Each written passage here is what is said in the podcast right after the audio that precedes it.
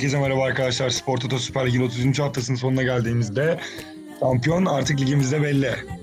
İkinci de belli. Üçüncülük, dördüncülük yarışı kıyasıya devam ediyor. Bu hafta oynanan karşılaşmalardan sonra Galatasaray Spor Toto Süper Lig'de 22. şampiyonluğunu ilan etti. Başakşehir karşısında 1-0'lık mağlubiyetten 2-1'lik galibiyet. 22. şampiyonu kupasını almaya hak kazandı İmparator Fatih Terim ve öğrencileri. Bugün Galatasaray, Başakşehir ve Trabzonspor Beşiktaş karşılaşmalarını değerlendireceğiz. Can Galatasaray Başakşehir maçıyla başlayalım. Önce senin fikirlerini almak istiyorum. Öncelikle merhabalar herkese. Yani lig düğümü diye konuştuk o kadar. 3-4 haftadır konuşuyoruz. Hani burada çözüleceğini zaten e, herkes düşünüyordu. İşte beraber kalsaydı iki takım son haftaya kalacaktı ama yani herhalde izleyenlerin %95'i belki daha fazlası bu hafta çözüleceğini yani bir takımın kazanıp şampiyon olacağını düşünüyordu haklı olarak. Ve önde görülen takım da Galatasaray'dı. Galatasaray da kendi seyircisinin önünde bence sezonuna sezonu düşündüğümüz zaman çok daha iyi bir oyunla 1-0 geriye düşmesine rağmen 2-1'lik bir galibiyet aldım. Şimdi maçı konuşmadan önce benim açıkçası değinmek istediğim bir iki yer var. Öncelikle e, bir önceki programda hani hakem açıklanır. Muhtemelen Cüneyt Çakır olur. Onun üstünde bir iki üç gün hakem konuşuruz. Hatta belki maça da damga vurur bilmiyoruz demiştik. Öyle olmadı. Yani tabii ki hakem konuşuldu ama ben Cüneyt Çakır'ın açıkçası yönetimini çok beğendim. Oyun ara ara evet gerildi ama o açıkçası benim için normal. Hani çünkü şampiyonluk mücadelesi e, rakip yani rakip takım dediğim deplasmanda oynayan takım öne geçiyor. Ve hani normal olarak iç saha seyircisi orada bir reaksiyon veriyor. Kulübeler tabii ki gergindi, oyuncular gergindi ama ya evet Fatih Terim ve yanındaki Ümit Davalısı, Hasan Şaşır tribüne gönderildi ama hani onun haricinde sahanın içinde bir kavga açıkçası olmadı. Hani Fenerbahçe Galatasaray maçını hatırladığımız gibi. Veya hakemin etki ettiği bir şey olmadı açıkçası. Ben Cüneyt Çakır'ın öncelikle performansından çok memnunum. Maçın önüne geçecek hiçbir harekette bulunmadığını düşünüyorum. Verdiği kararların da onları tabii ki tartışırız ve e, VAR'dan dönen iki gol var çünkü. Ama onlarda da açıkçası ben e, doğru kararlar verdiğini ve maçın tansiyonunu yükseltmediğini çok da iyi kontrol ettiğini düşünüyorum. Cüneyt Çakır'dan sonra benim değinmek istediğim başka biri var. Şimdi 33 hafta şampiyonluk yarışında kalmış bir takımdan bahsediyoruz. Bu 33 haftanın 21 haftasında da ligde lider olmuş bir takım var Başakşehir. Öncelikle onların bu başarısını tebrik etmemiz lazım. Ee, Abdullah Avcı'nın ve oyuncuların da maçtan maçtan sonra söyledikleri çok önemli bir şey var. Hatta bunu birkaç hafta öncesinden de söylemeye başlamışlardı. Hani biz tarihi olan, çok geçmişi olan başarılarla dolu bir kulüp değiliz. Buralara daha yeni yeni alışıyoruz. Karşımızda 100 yıllık kulüpler var ve biz onların arasında kendimize yer bulmaya çalışıyoruz. Onların atmosferiyle de yarışmak tabii ki zor ama biz bunun üstesinden gelmeye çalışıyoruz gibi bir açık yani hep maçtan sonra da yaptılar bunu şampiyonluk gittikten sonra. Öncesinde de yap, söylemişlerdi bunları hep. Ben açıkçası bu mücadelelerinden dolayı öncelikle bir tebrik etmek istiyorum onları. Çünkü çok zor bir şey. Hani karşısındaki takım Galatasaray değil Beşiktaş olsa veya Fenerbahçe olsa da aynı sıkıntıları yaşayacaktı. Yani 33. hafta bu saydığım 3 takımdan hangisinin stadına şampiyonluk maçına gitsen aynı sıkıntıları, aynı sorunları yaşayabilirsin normal olarak. Yani kendi taraftarın yok. Seni destekleyen arkanda bir güç yok. Taraftar anlamında diyorum yani bunu yoksa başka şeyleri tabii ki ben bilemem de. O yüzden tabii ki hani bu bir yerden sonra artık stres yönetimi, durum yönetimine giriyor. Bu haftaya kadar yani açıkçası ligin ilk 25 haftası çok iyi e, yönetmişlerdi bu durumu ama ondan sonra zaten sıra sıra puan kayıpları geldi ve burada da artık şampiyonluğu verdiler. Ama yine de bu haftaya kadar getirmeleri tabii ki büyük bir başarı. Onun haricinde benim demek istediğim başka bir şey var. Abdullah Avcı'nın maç sonu açıklamalarını ben dün dinledim. Tabii ki kendisi hani sinirliydi. Ee, hayal kırıklığına tabii ki uğramıştı. Hani bu kadar uzun süre liderlik liderlikte bulunup tabii 33. hafta şampiyonluğu vermek tabii ki insanın hani artık kimyasını mı bozar ne diyeyim bilmiyorum da e, bazı açıklamaları benim çok garibime gitti.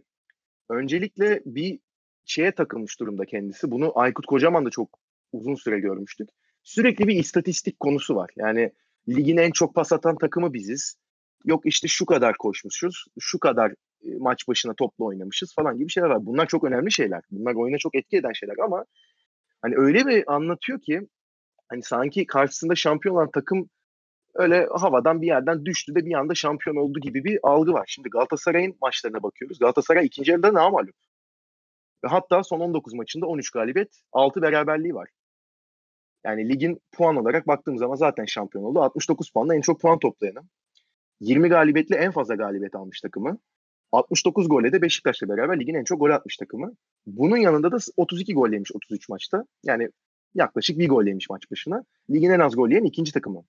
Şimdi karşısındaki takımı yani topla oynama, pas yüzdesi gibi şeylerden yani şimdi onlardan tabii ki onlarla övünmek lazım ama hani bir yerden sonra da artık yani şampiyon olmuş takımın karşısında da bu söylemlerle çıkmak yani ne kadar doğru onu bilmiyorum. Sonuçta pas yani maç başında %65 topa sahip olunca bir kupa verilmiyor.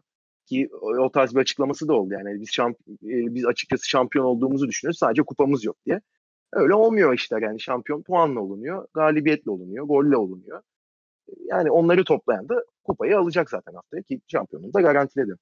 Onun haricinde Abdullah Avcı'nın başka dediği şeyler var. Yani bu maç sırasında dediğim gibi e, yedek kulübeleri biraz gergindi. Ya bunlar olabilecek şeyler tabii ki ama hani tabii ki e, şey taraftarı değil mi? İki yedek kulübesi birbirine girsin şeklinde bir isteğim yani zaten hiç kimsenin yoktur yani kafasında bir sorun yoksa niye istesin? Ama kendisinin çıkıp bazı dediği şeylerle garibime gidiyor yani. Fatih Terim'e bir e, nasıl diyeyim dediği şeyler var. Yani doğruluğu yanlışlığı şimdi bilmiyorum hani var kayıtları da açıklansın tarzı bir şeyler. Yani onlardan bakarsınız falan dedi de yani sahada bir oyuncu hapşırsa zaten görüyorsun.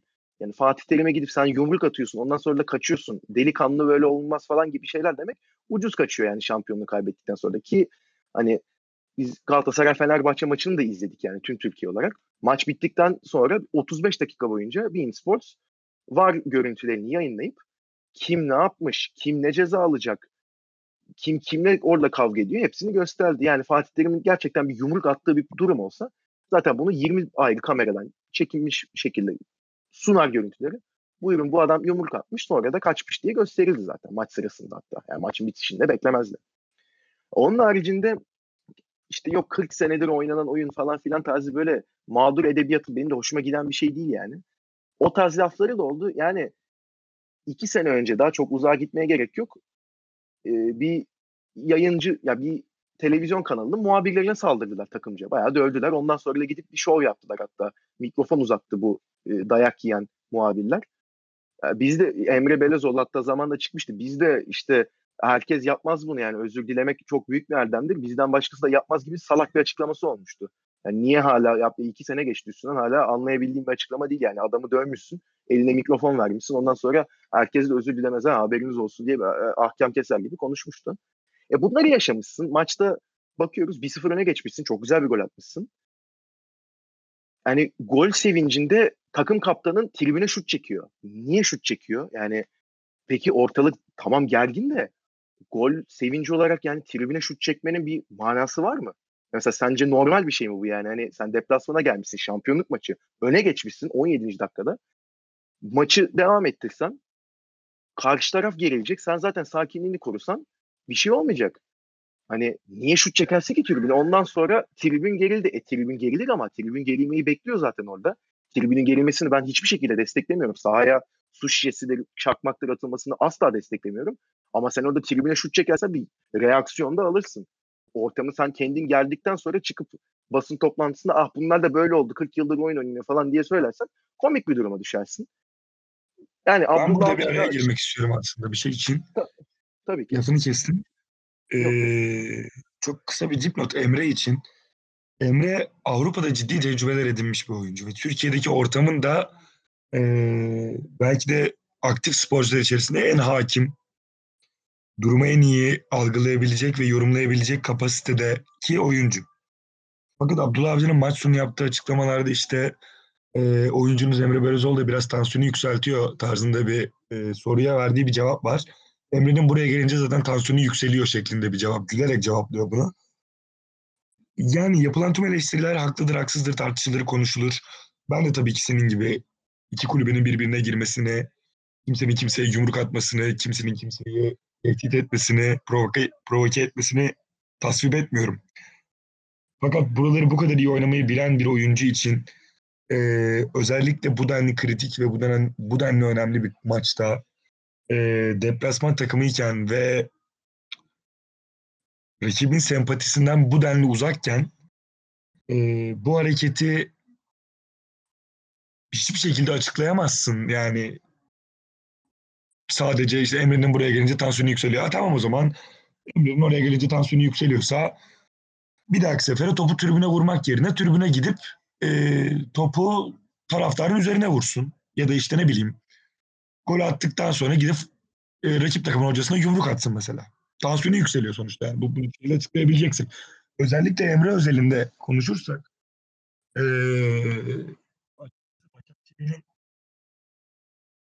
anlık bir hareket Başakşehir'in çok büyük dezavantajını oldu. Çünkü tribün zaten çok gergindi.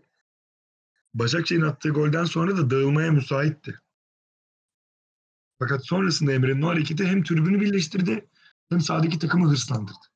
Yani ben devre arasında şimdi gireceğiz birazdan. Devre arasında yapılan konuşmada o topa yapılan sert hareketin, tribüne yapılan hakaretin bir anlamda Fatih Terim'in devre arası konuşmasında etkin olduğunu düşünüyorum.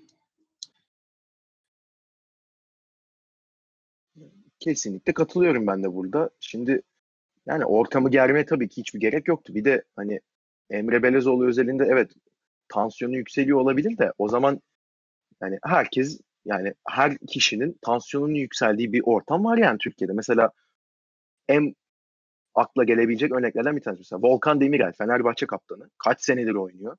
Kaç senedir önce Ali Sami Yen'de sonra Türk Telekom stadında kaç tane maça çıktı. Kaç kere küfür yedi. Ben Volkan Demirel'in mesela tribüne bir şey attığını görmedim hiç. Yani seversiniz sevmezsiniz. O ayrı. Mesela rakip takım taraftarları tabii ki sevmez Volkan'ı. Kendi taraftarıyla çok sever. O ayrı ama hani Volkan'ın ben tribünde polemiğe girdiğini görmedim. Mesela bir tek o milli takım maçında oldu. Yani milli o da hani çıktı gitti sağdan. Yani mesela orada eleştirenler ben mesela haksız olduklarını biraz düşünüyorum. Yani orada eleştirenlerden bir tanesini koy oraya. Yani 30 saniye küfür yesin tribüne de var. Volkan orada çıktı gitti. Orada da polemiğe girmedi.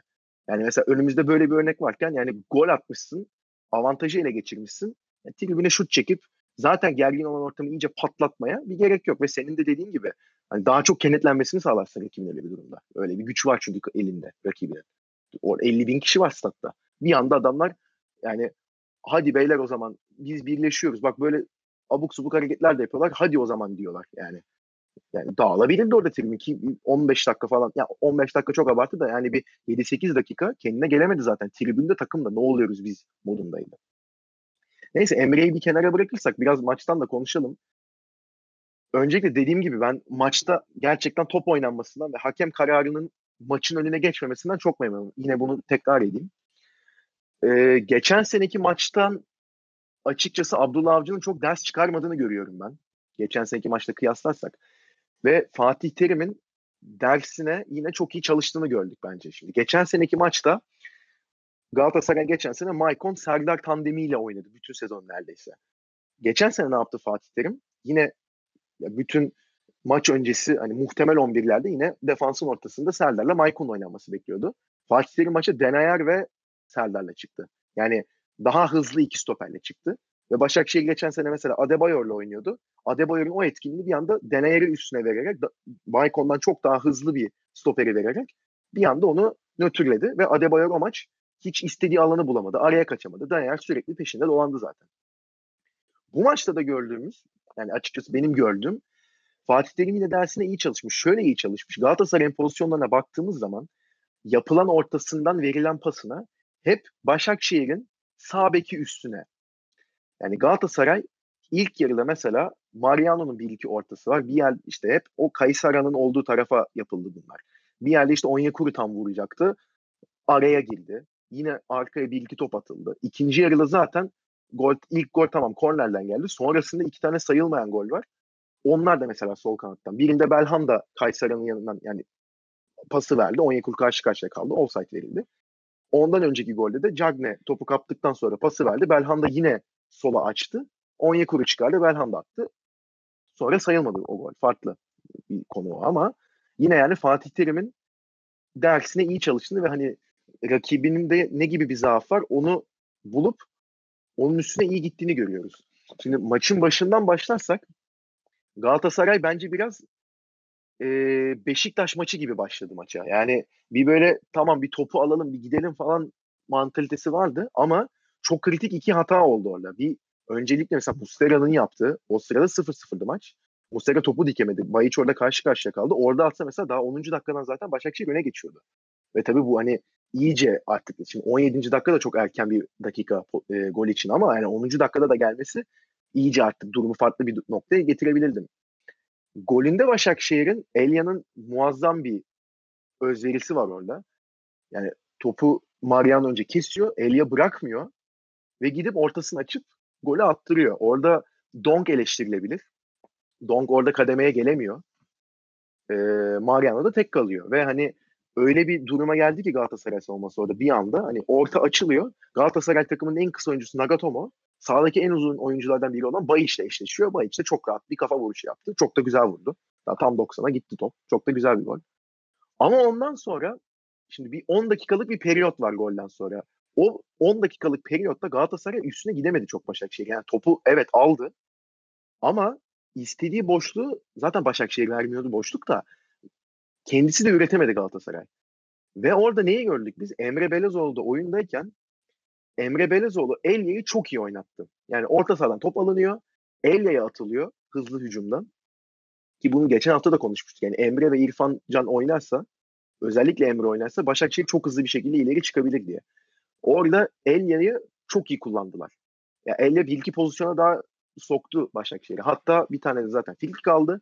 O filkikte de Kudryashov topu içeri sokamadı. Luyendama ile Muslera'nın bir anlaşmazlığı oldu orada. İkinci büyük hataydı bu zaten Galatasaray'ın yaptı. Yani maç iki kere kopabilirdi. Başakşehir'in eline o fırsat geldi. Başakşehir kullanamadı bunları. Ondan sonra 30. dakikada Emre Belezoğlu'nun sakatlandığını gördük ve Emre Belezoğlu sakatlandıktan sonra yerine giren Mossoro o etkiyi yaratamadı. Zaten geçen seneki performansında olmadığından bahsediyorduk hep.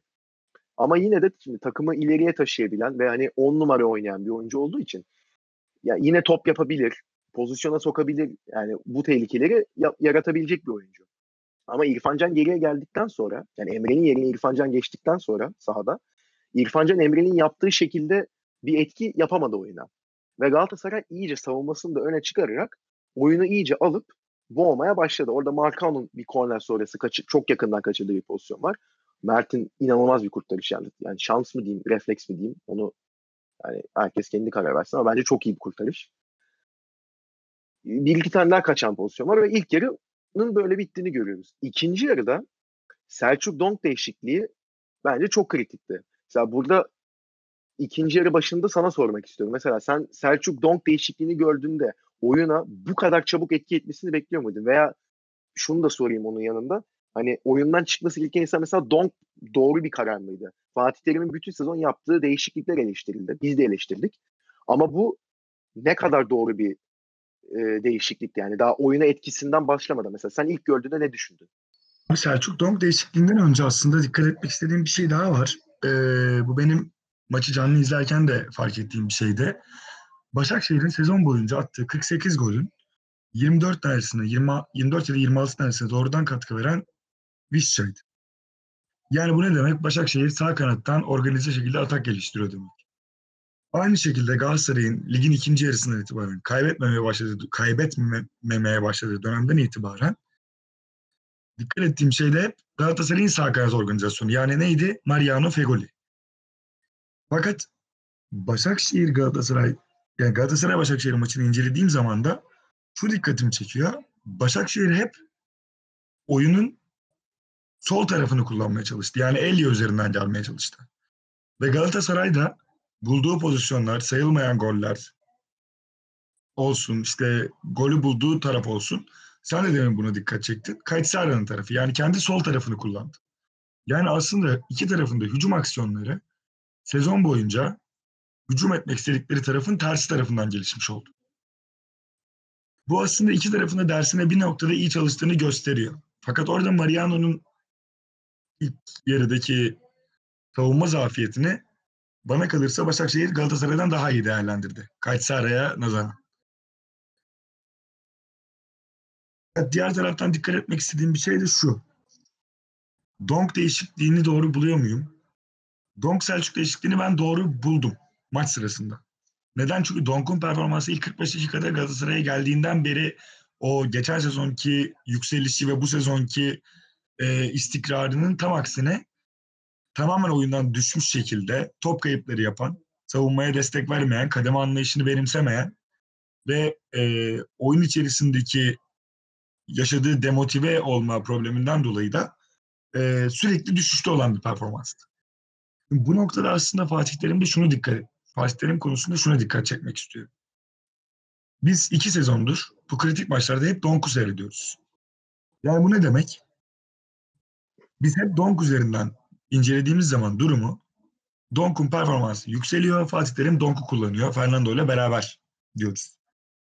Fakat bu karşılaşma üzerinde inat etmemek, üstüne gitmemek çok doğru bir karardı. Sezon boyunca Donk'u kullandık. Zaman zaman forvet hattında kullanıldı. Zaman zaman orta sahada kullanıldı. Stoperler ceza aldı, sakatlandı, stoper hattında kullanıldı. Ve bu noktada dikkat çekmek istediğim en önemli şey de şu. Biz Donk ısrarından o noktada vazgeçtik diyebilmeyi başardı Fatih Terim. Çünkü işlemeyen bir sistemin üstüne gitmenin anlamı olmadığını gördü o 45 dakikada. Tabii ki başka ne konuşuldu, ne söylendi, bunların üstüne de şimdi konuşacağız birazdan ama o noktada oyundaki sakinlik, deme anlayışını benimsemek ve yüksek pas yüzdesini ön plana çıkarmak açısından Selçuk değişikliği doğruydu. Fakat burada da çok önemli bir şey var. Selçuk sezon boyunca hep baktığım zaman rotasyon oyuncusu olarak görev aldı. Ve bu rotasyon oyuncusu olarak görev alma işlevini de zor maçlara nazaran daha kolay maçlarda gerçekleştirdi. Fakat şimdi bakıyorum bu hafta içerisinde Galatasaray'ın kazandığı iki kupada hem kupa finali hem kazandığı lig şampiyonluğu Başakşehir maçında Selçuk da görevini çok fazlasıyla yerine getirdi. Orada söylemek istediğim de açıkçası şu. Fatih Terim'in belki de diğer antrenörlerden ayrıldığı en büyük noktalardan bir tanesi bu. Sezon içerisinde oynasın ya da oynamasın oyuncularının motivasyonunu, oyuncuların saha içi performanslarını vazgeçmemelerini ve bir şekilde onlardan verim almayı öyle bir başarıyor ki biz bugün Semih Kaya'nın son 5 dakika beş, son 5 dakikadaki performansını da konuşabiliriz. Selçuk'un ikinci yarı oyuna girdikten sonra takıma katkısını da konuşabiliriz. Ve bu noktada dikkat çekmek istediğimiz en önemli şey de bu oyuncuların yani sezon içerisinde rotasyon oyuncusu olarak kullandığı ve diğer maçlara nazaran kolay maçlarda kullandığı oyuncuların kondisyon olarak da bu maçların ağırlığını kaldırabilecek düzeyde kalmış olması. Ben bu noktada bu değişikliği doğru buluyorum. Fakat yine de eklemek istediğim şey şu. Dünden beri bu karşılaşma üzerinde konuştuğum herkese söylediğim şey şu. Emre Belözoğlu her ne kadar türbünü kışkırtması ve saha içindeki e, agresif tavırları rahatsız edici geliyor olsa da özellikle bu tarz tansiyonu yüksek karşılaşmalar için Türk sporunu rahatsız eden tepkileri, hareketleri olsa da Başakşehir için vazgeçilmez bir oyuncu. Yani sezon özelinde tamam attıkları 46 golün 24'ünde Vişya'nın doğrudan etkisi gol ve asist olmuş olabilir.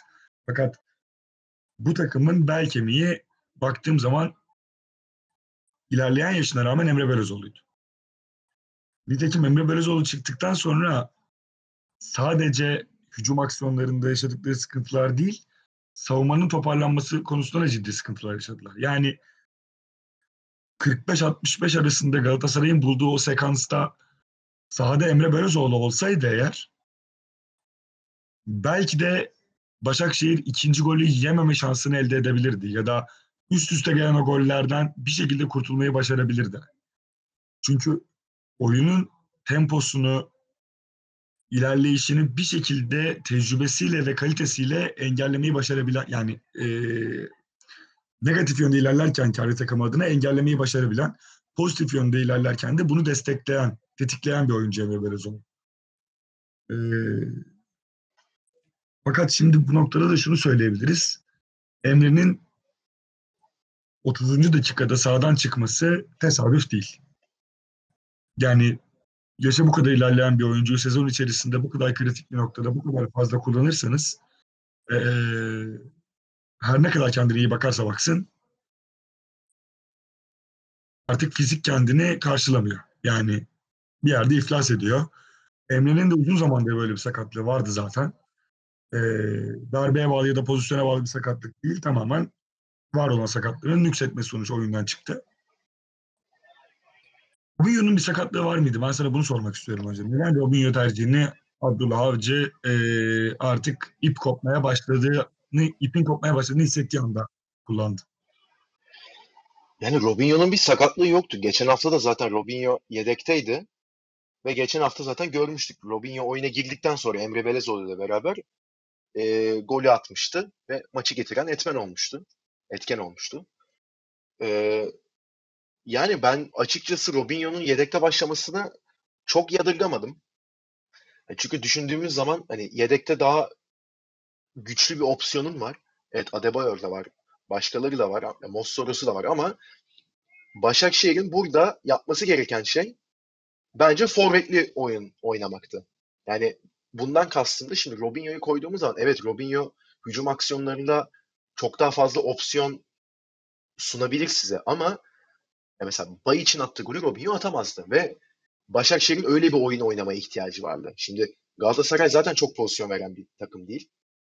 Marka ve Luyendam'ın her ne kadar defekleri olsa da bir derece bir uyum yakalamış durumdalar ve onların önünde zaten Donk ve Fernando da varken açması zaten zor olan bir takım. Şimdi siz buraya da yani bir forvetle çıkmazsanız Robinho evet forvet oynuyor ama hani orijin olarak forvet değil sonuçta. 10 numara daha çok. Siz buraya bir forvetle çıkmazsanız ileride evet top tutarsınız ama gireceğiniz pozisyonların çeşitliliği azalır. Bayiç çok uzun bir oyuncu. Mesela bir ortaya kafayı vurdu, golü attı. Mesela Robinho'yla dediğim gibi böyle bir şansınız yoktu. Robinho 10 numara olarak başlayabilirdi. Ama Abdullah Avcı da onu uygun görmemiş demek ki geçen haftaki oyundan sonra ve böyle bir tercihte bulunmuş ki hani e, İrfan Can'ı zaten 10 numarada gördük. İrfan Can esas olarak bir zaten 10 numara ama bu sezon genelinde de Evet Emre ve İrfan Can var. Ama oraya Robinho'yu da koyduğunuz zaman yani tane çok atak oyuncu oluyor. Ve hani şimdi Robinho 34 yaşında ve zaten hayatı boyunca defans yapmamış. İrfan Can genç evet ama defansif özellikleri düşük bir oyuncu. Zaten yani esas görevi defans yapmak değil. Emre evet defansı yani defansın önünde durabiliyor. Pozisyon bilgisi çok yüksek. Ama o da 39 yaşında ve bir haftadır takımla çalışmamış ve bir sakatlığı var. O yüzden ben Robinho'nun yedek başlayıp İrfan Can'ı sahaya sürmesini ve Gökhan'inlerin orada ön libero'da olup rakibin ataklarını kesecek pozisyonda oynamasını açıkçası normal buldum. Bir tek diyebileceğim şey Emre sakatlandıktan sonra ben orada mesela Robinho'nun girmesini bekliyordum. Orada mesela Mossoro'yu alması açıkçası beni biraz şaşırttı. Robinho'yu orada alsaydı ileride belki daha fazla top tutabilirdi Başakşehir ve hızlı çıktığı zaman Robinho'nun şut kalitesini zaten hepimiz biliyoruz ki ligin ilk yarısında Sivas Spor'la oynarken iki tane hızlı hücum sonrası uzaktan çok güzel iki şutla gol de atmıştı Galatasaray iki tane Türk Telekom stadında. Yine onu kullanabilirdi. Nitekim İrfan Can'ın ve Mossoro'nun top dağıtamadığını gördük Emre Belezoğlu çıktıktan sonra ilk yarıda özellikle. Yani Robinho'nun orada olması en azından topu Robinho'ya verip ondan oyunu kurmasını bekleyebilirdi Abdullah Avcı. Bunu yapmadı.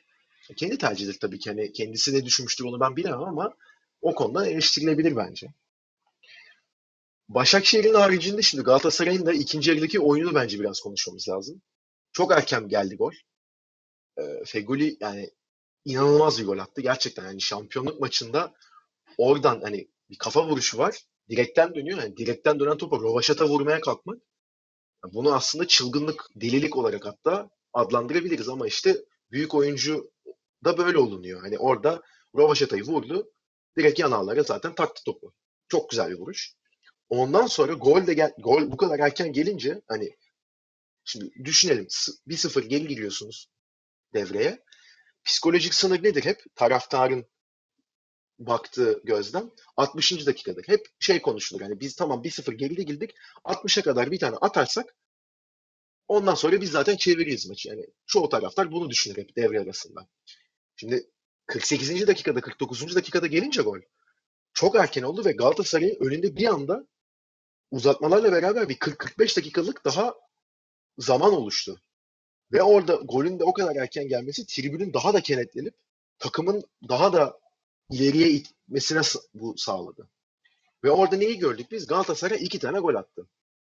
Evet VAR'dan verilmedi ama Galatasaray orada oyunu aldı. Rakip sahaya yıktı. Hızlı hücumla da çıktı. Pozisyon zaten vermedi. Çok sert bir baskı uyguladı. Topu da kaptı. İki tane gol attı ve sayılmadı bunlar. Şimdi golleri yani sayılmayan golleri gelecek olursak ben ilk golün yani Cüneyt Çakır evet çok iyi bir maç yönetti dedim ama bir, tek tek eleştirebileceğim nokta orada ben Cagney'in açıkçası eline çarptığını düşünmüyorum top. Yani daha doğrusu eliyle kontrol ettiğini düşünmüyorum. Bir çarpma var evet ama çok yakın bir mesafe. Ee, elde vücuda yapışık gözüküyordu benim gördüğüm kadarıyla. Ya ben o golün açıkçası sayılması gerektiğini düşünüyorum. Ki hani el yakın diyorum ama hani mesela ilk yarıdaki Beşiktaş Galatasaray maçında yine Cüneyt Çakır hakemdi. Mesela Vida'nın aynen o yakınlıkta bir pozisyonda bayağı açık olan eline top çarpmıştı ve orada mesela Cüneyt Çakır penaltı vermemişti. Yani onu vermeyip burada el vermesi biraz açıkçası garibime gitti ama yani el evet elle aldı diyen de çok insan var. Yani, arada bir pozisyon olduğu için çok da eleştirmiyorum. İkinci golde bende bence kesinlikle offside var. Çok ince. Gerçekten çok ince ama yani çizgiler çekildiği zaman görüyoruz. Yani Onyekuru'nun sol ayağı bayağı çiz yani rakip takımdan çekilen çizginin önünde. Doğru bir karar o. Ama orada evet iki gol verilmedi. Orada bence esas dikkat çekilmesi gereken konu Galatasaray'ın verdiği reaksiyon. Şimdi iki golünüz verilmiyor. Hatta önce bir tanesi verilmiyor. Bir tane daha atıyorsunuz. Aynı baskıyı devam ettirip. O da sayılmıyor. Şimdi orada takım oyundan düşebilirdi. Ya biz elimizden geleni yapıyoruz, atıyoruz. Yok olmadı yani. Hani bir moral bozukluğu, bir oyundan düşme, oyundan kopma görülebilirdi. Ama hani öyle bir artık motivasyonla çıkmışlar ki ikinci yarıya. Taraftar da zaten orada çok arkasındaydı. Yani 8 dakikada 3 gol oldu. Ondan sonra en sonunda yani hadi bunu saymadın, bunu da saymadın. E artık bunu sayacaksın diye üçüncüyü de attı Galatasaray.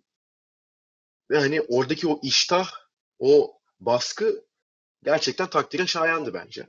Yani Galatasaray'ın bütün sezon hani eleştirdik burada. Hani oyunu nasıl domine etmeden maçları kazandığını hani tabii ki şampiyon olmak istiyordu ama hani o isteği sahaya yansıtamadığını, oyuncuların olayın ciddiyetinde olmadığı gibi çok fazla eleştiri gelmişti. Ama ilk defa yani tabii ligin sonunda gelmesi de bu reaksiyonun enteresan tabii. Son maça kaldığı için belki de.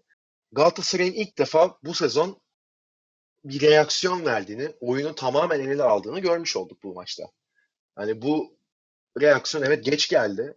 No- normalde daha önceleri gelebilirdi bu reaksiyon ki düşündüğümüz zaman Galatasaray hani bu şampiyonluk mücadelesi verdiği sezonlarda hep yani özellikle Fatih Terim'le beraber gördüğümüz son işte artık 6 haftadır 7 haftadır oralarda bir galibiyet serisi yakalayıp oradan artık işi götürdüğünü gördük. Bu sene öyle olmadı mesela. Hani bir puan kaybı oldu Erzurum'da 8'e çıktı. Orada yani herkes artık şey tamam yani hani 8 puana çıktı. Çok az zaten hani 10 haftada 8 puan kapanacak bir şey değil derken yani bir tek Fatih Terim çıktı yani 8'de kapanır 18'de kapanır yeter ki biz kazanalım diye. Bir tek o reaksiyonu Fatih Terim'den görürdük ama hani o, o da sahaya yansımıyordu. Ya bu son maçta verdikleri reaksiyon gerçekten konuşulmaya değer bir şeydi. Genel olarak ben hani sezonunu düşündüğümüz zaman hani kim daha çok hak etti tartışılır. Ama yani sonu 19 maçta 13 galibiyet, 6 beraberlik almış. Namağlup bir takımdan bahsediyoruz. Yani bu takıma da hak etmedi demek açıkçası biraz yani nasıl diyeyim içi boş bir argüman gibi kalıyor kağıt üstünde. Evet oyun olarak tatmin etmemiş olabilir ama e, yani hak etmedi demek çok yerinde bir tespit olmadığını düşünüyorum ben. Abi orada sana söylemek istediğim bir şey var şu şekilde.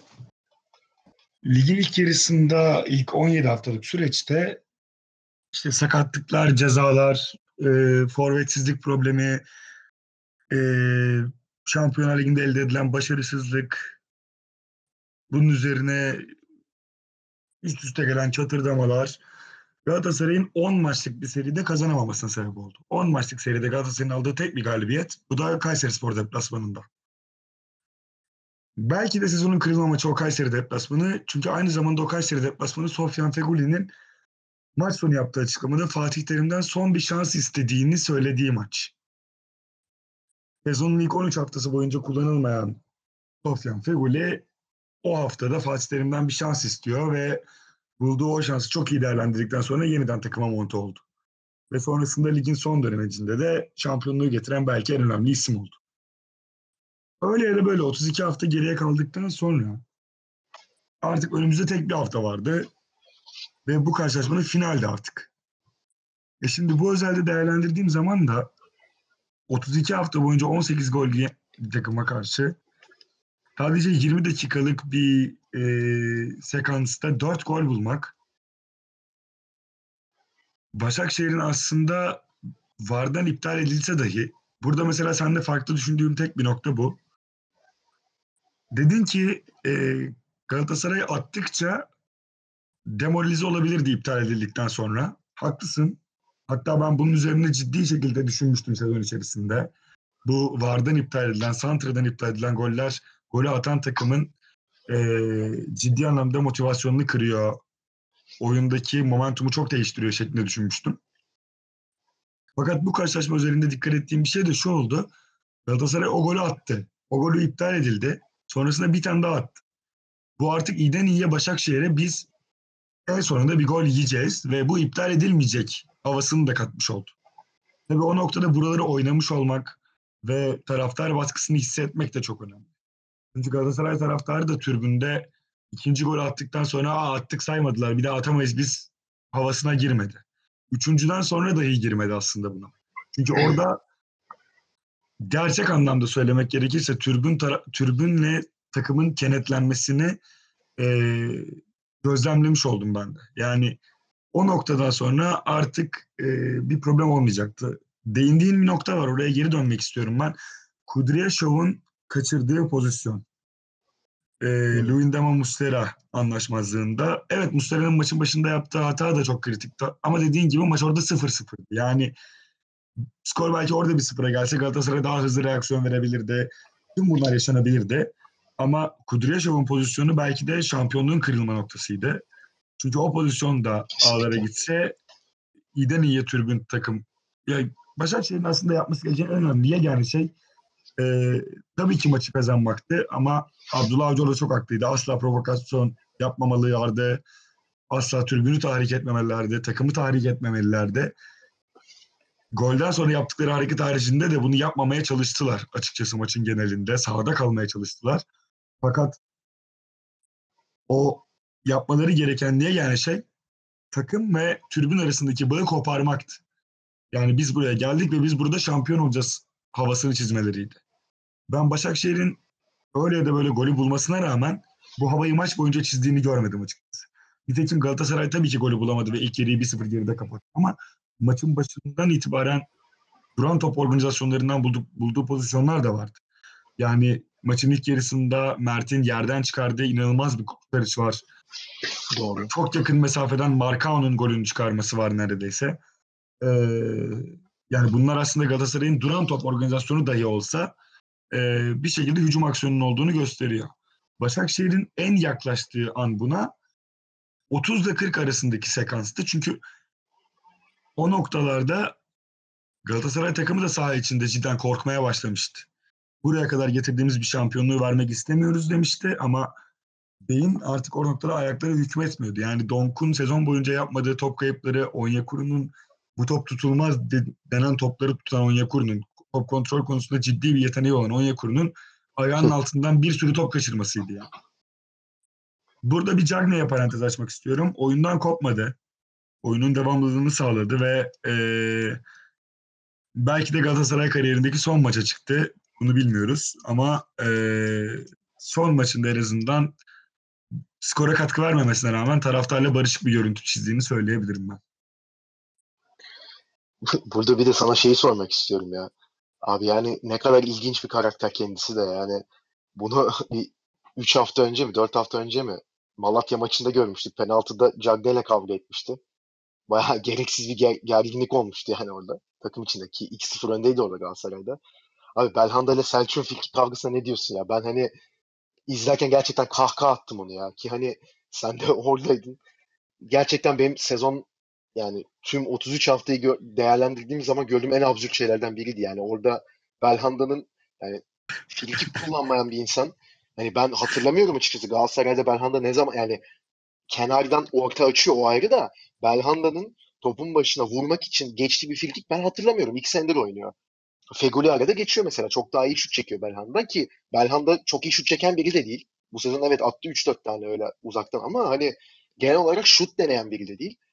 Ki orada topun başına geçen isim de Selçuk İnan yani hani frikikleriyle ünlü. Belki de hani Türk futbol tarihinin en önemli frikikçisi. Yani orada hele hele şampiyonluk maçında 2-1 öndeyken yani öyle bir kavga etmesi komediydi ya. Gerçekten komediydi.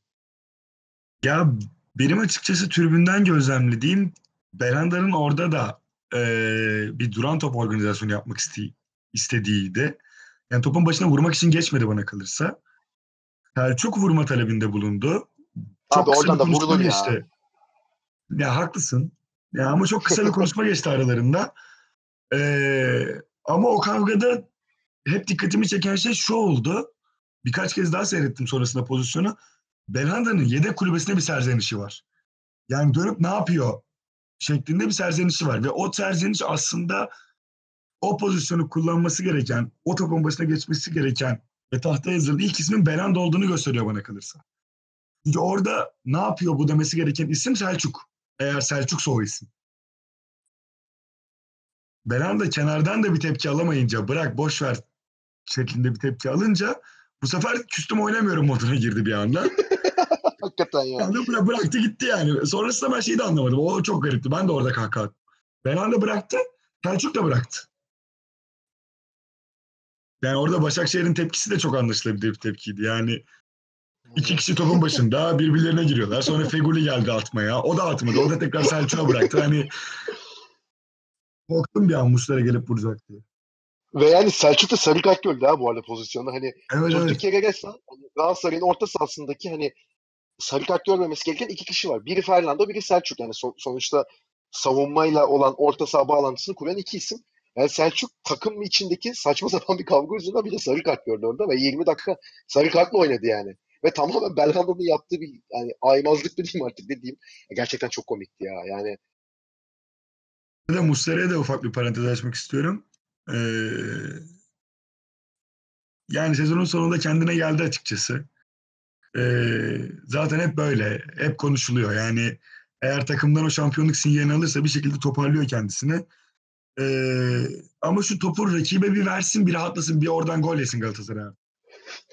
Çünkü sezon başından beri deniyor bunu. Çok çok kez denedi yani. Artık hani bana kalırsa taraftarın da sabrı kalmadı. Hani artık hani iş de bitti. Sivas deplasmanında mesela talimatla bir şekilde topu artık rakibe teslim edip o topu bir kalesinde görsün bir rahatlasın. Çünkü yani neden yaptığını pek anlama, anlamıyorum. Ama çok sık tekrarladı yani bu sezon. Çok da şanslıydı bana kalırsa. Çünkü bir sürü pozisyonda o karşı karşıyayı verdi. Ya kurtardı ya rakip değerlendiremedi. Ama hep o pozisyonu verdi yani bir şekilde. Kalesini melekler korudu diyebiliriz o konuda. Mert'in de bu arada performansı iyiydi. Özellikle Kesinlikle. ilk yarıda takımını maçta tuttu yani. Yani Galatasaray'ın şampiyonluğunu kutluyoruz o halde. Sezon gelecek sezon Şampiyonlar Ligi'nde ülkemizi bu sezonkinden daha iyi temsil etmesini diliyoruz. 2024 yılında değişecek olan kural da artık belirginleştiğine göre ülke puanı ve alınacak galibiyetler çok değerli. Gerek Şampiyonlar Ligi'nde gerek Avrupa Ligi'nde. Avrupa Ligi için de eee, aslında üçüncü, dördüncümüz belli. Ama hangi takım iki hafta daha fazla tatil yapacak onu son hafta göreceğiz. Tabii Trabzonspor eğer Avrupa'dan ben almazsa. Trabzonspor evinde Beşiktaş'ı ağırladı bu hafta. İki birlik bir galibiyetle ayrıldı sahadan. Ya ben Trabzonspor'u açıkçası ne olursa olsun çok beğeniyorum. Yani daha önce de bunu değerlendirdik bir Trabzon konuşması yaptığımızda. Fakat Abdülkadir Ömür, Abdülkadir e, Parmak, Yusuf Yazıcı e, ve bunun gibi birçok ismi değerlendirdiği sezon boyunca Ünal Karaman. Ve baktığımız zaman şu anda 60 puandalar. Şampiyonun 69 puanda olduğu bir sezonda 60 puan toplamak gerçekten bir başarı onlar adına. Ee, çok büyük kaoslardan çıktılar. Transfer yasakları vardı. Üstüne üstlük orta sahalarının bel kemiği Onazi'yi kaybettiler. Sakatlığa kurban verdiler. Ee, buna rağmen pes etmediler. Çok çabaladılar. Açıkçası Beşiktaş'ın 6'da 6'lık serisi olmasaydı Galatasaray karşılaşmasından önce e, üçüncülüğe de çok çok yaklaşmışlardı.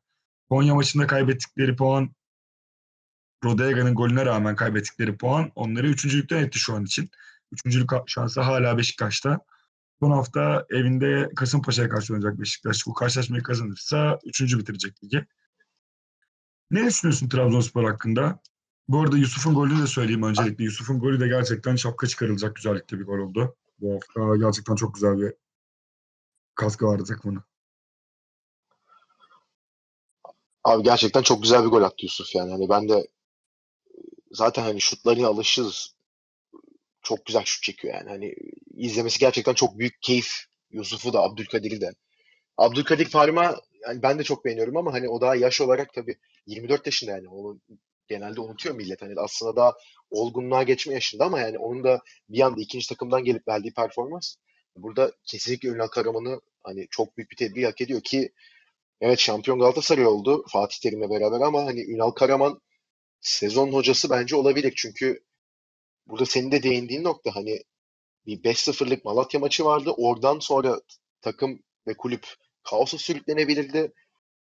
Bir anda takımın iki kaptanı Burak ve Onur kadro dışı bırakıldı. Kulüpten gönderildi hatta. Def, e, transfer yasakları vardı. Çok fazla sakatlık yaşadılar. Defanslarında hani oynatacak artık oyuncu kalmamıştı neredeyse. Sürekli altyapıdan ama yani önce kaleye, sonra defansa, sonra orta sahaya sürekli altyapıdan birilerini koymayı başardılar. Ve sürekli onlardan da performans aldı Ünal Karaman. Bu çok önemli bir şey. Hani bir anda düşünsene yani takımda stoper kalmıyor. U19'da oynayan birini gidiyorsun diyorsun ki bak stoper kalmadı. Geliyorsun bu hafta Galatasaray deplasmana gidiyoruz. Sen başlayacaksın. Yani bu bu motivasyonu vermek oyuncuya ve oyuncudan da performans almak gerçekten çok büyük iş. Yani takdir çok edilmesi gereken bir iş. Yani Trabzon'u bütün sezon açıkçası ben de maçlarını takip etmeye çalıştım. E, göze en çok en hoş gelen futbolu oynayan takımdı bence. Hani e, o hızları, o akıcılıkları evet defansta problemler yaşıyorlardı ama hani sürekli golü düşünen, sürekli hata düşünen, sürekli üreten Abdülkadir, iki Abdülkadir'le ve Yusuf'la gerçekten izlemesi çok keyifli bir takımdı. Ünal Hoca gerçekten çok büyük bir iş başardı burada. Umarım finansal açıdan hani e, transfer yasakları var sanırım. Devam edecek o transfer yasağı. Ama umarım Avrupa'dan ben yemezler ve bu kadroyu da tutup Avrupa'da en azından bir iki tur geçip yani gruba kalmayı başarabilirler. Çünkü ellerinde çok iyi bir oyuncu nüvesi var şu an. Gençlere baktığımız zaman. Ki Onazi sakat da Onazi de seneye dönecek. Sezon başına yetişmeyebilir ama en azından hani bir Ekim-Kasım gibi yetişecek. Oyuncularını kaybetmezlerse eğer e, gerçekten önemli yerlere gelebilirler. Ve seneye bu kadro yani artık birbiriyle oynamaya da alışmış bir kadro var sonuçta. E, daha da üstlerini hedefleyebilirler. Ben Trabzon'un girdiği yolu ve gösterdiği performansı açıkçası ilerisi için de çok ümit verici olarak görüyorum. Maça gelirsek de yani Beşiktaş zaten hani Galatasaray kaybettikten sonra biraz artık evet ligdeki şampiyonluk yarışı bizim için bitti havasına girmişti. Ki geçen hafta da Fikret Orman hani tekrar seçildikten sonra statta bir tepki görmüştü. Bir galibiyet geldi ama hani Fikret Orman'a hala devam ediyor tepkiler ta- taraftarlar tarafından. Bu maçta da tabii hani kazansalardı artık üçüncülüğü garantiliyorlardı ama hani bir yerden sonra da şimdi şampiyonluğu kaybetmiş bir takımı hadi biz üçüncü olalım artık diye motive etmek de bir yerden sonra tabii zor oluyor. Bu yüzden hani Beşiktaş'ın sahadaki biraz kopukluğunu anlayabiliyorum o açıdan. Ama yine de yani e, girdikleri pozisyonlar var. Özellikle Burak'ın ilk yarıda kaçırdığı çok çok net bir pozisyon var. Yani penaltı noktasının da hatta daha da yakın bir noktada kaleye topu aldı. Çok iyi döndü. Sol ayakla vurdu ama işte kaleci Uğurcan çok iyi çıkardı oradan. Ama yani Trabzon hani bence daha çok baskılı olan ve daha çok oyuna etki eden taraftı. Burada ben hani son kapamadan önce şunu da söylemek istiyorum. Trabzon'da abi o Vakayeme yani sene başı yanlış bilmiyorsam 1 milyon dolara aldılar. Arap Ligi'nden.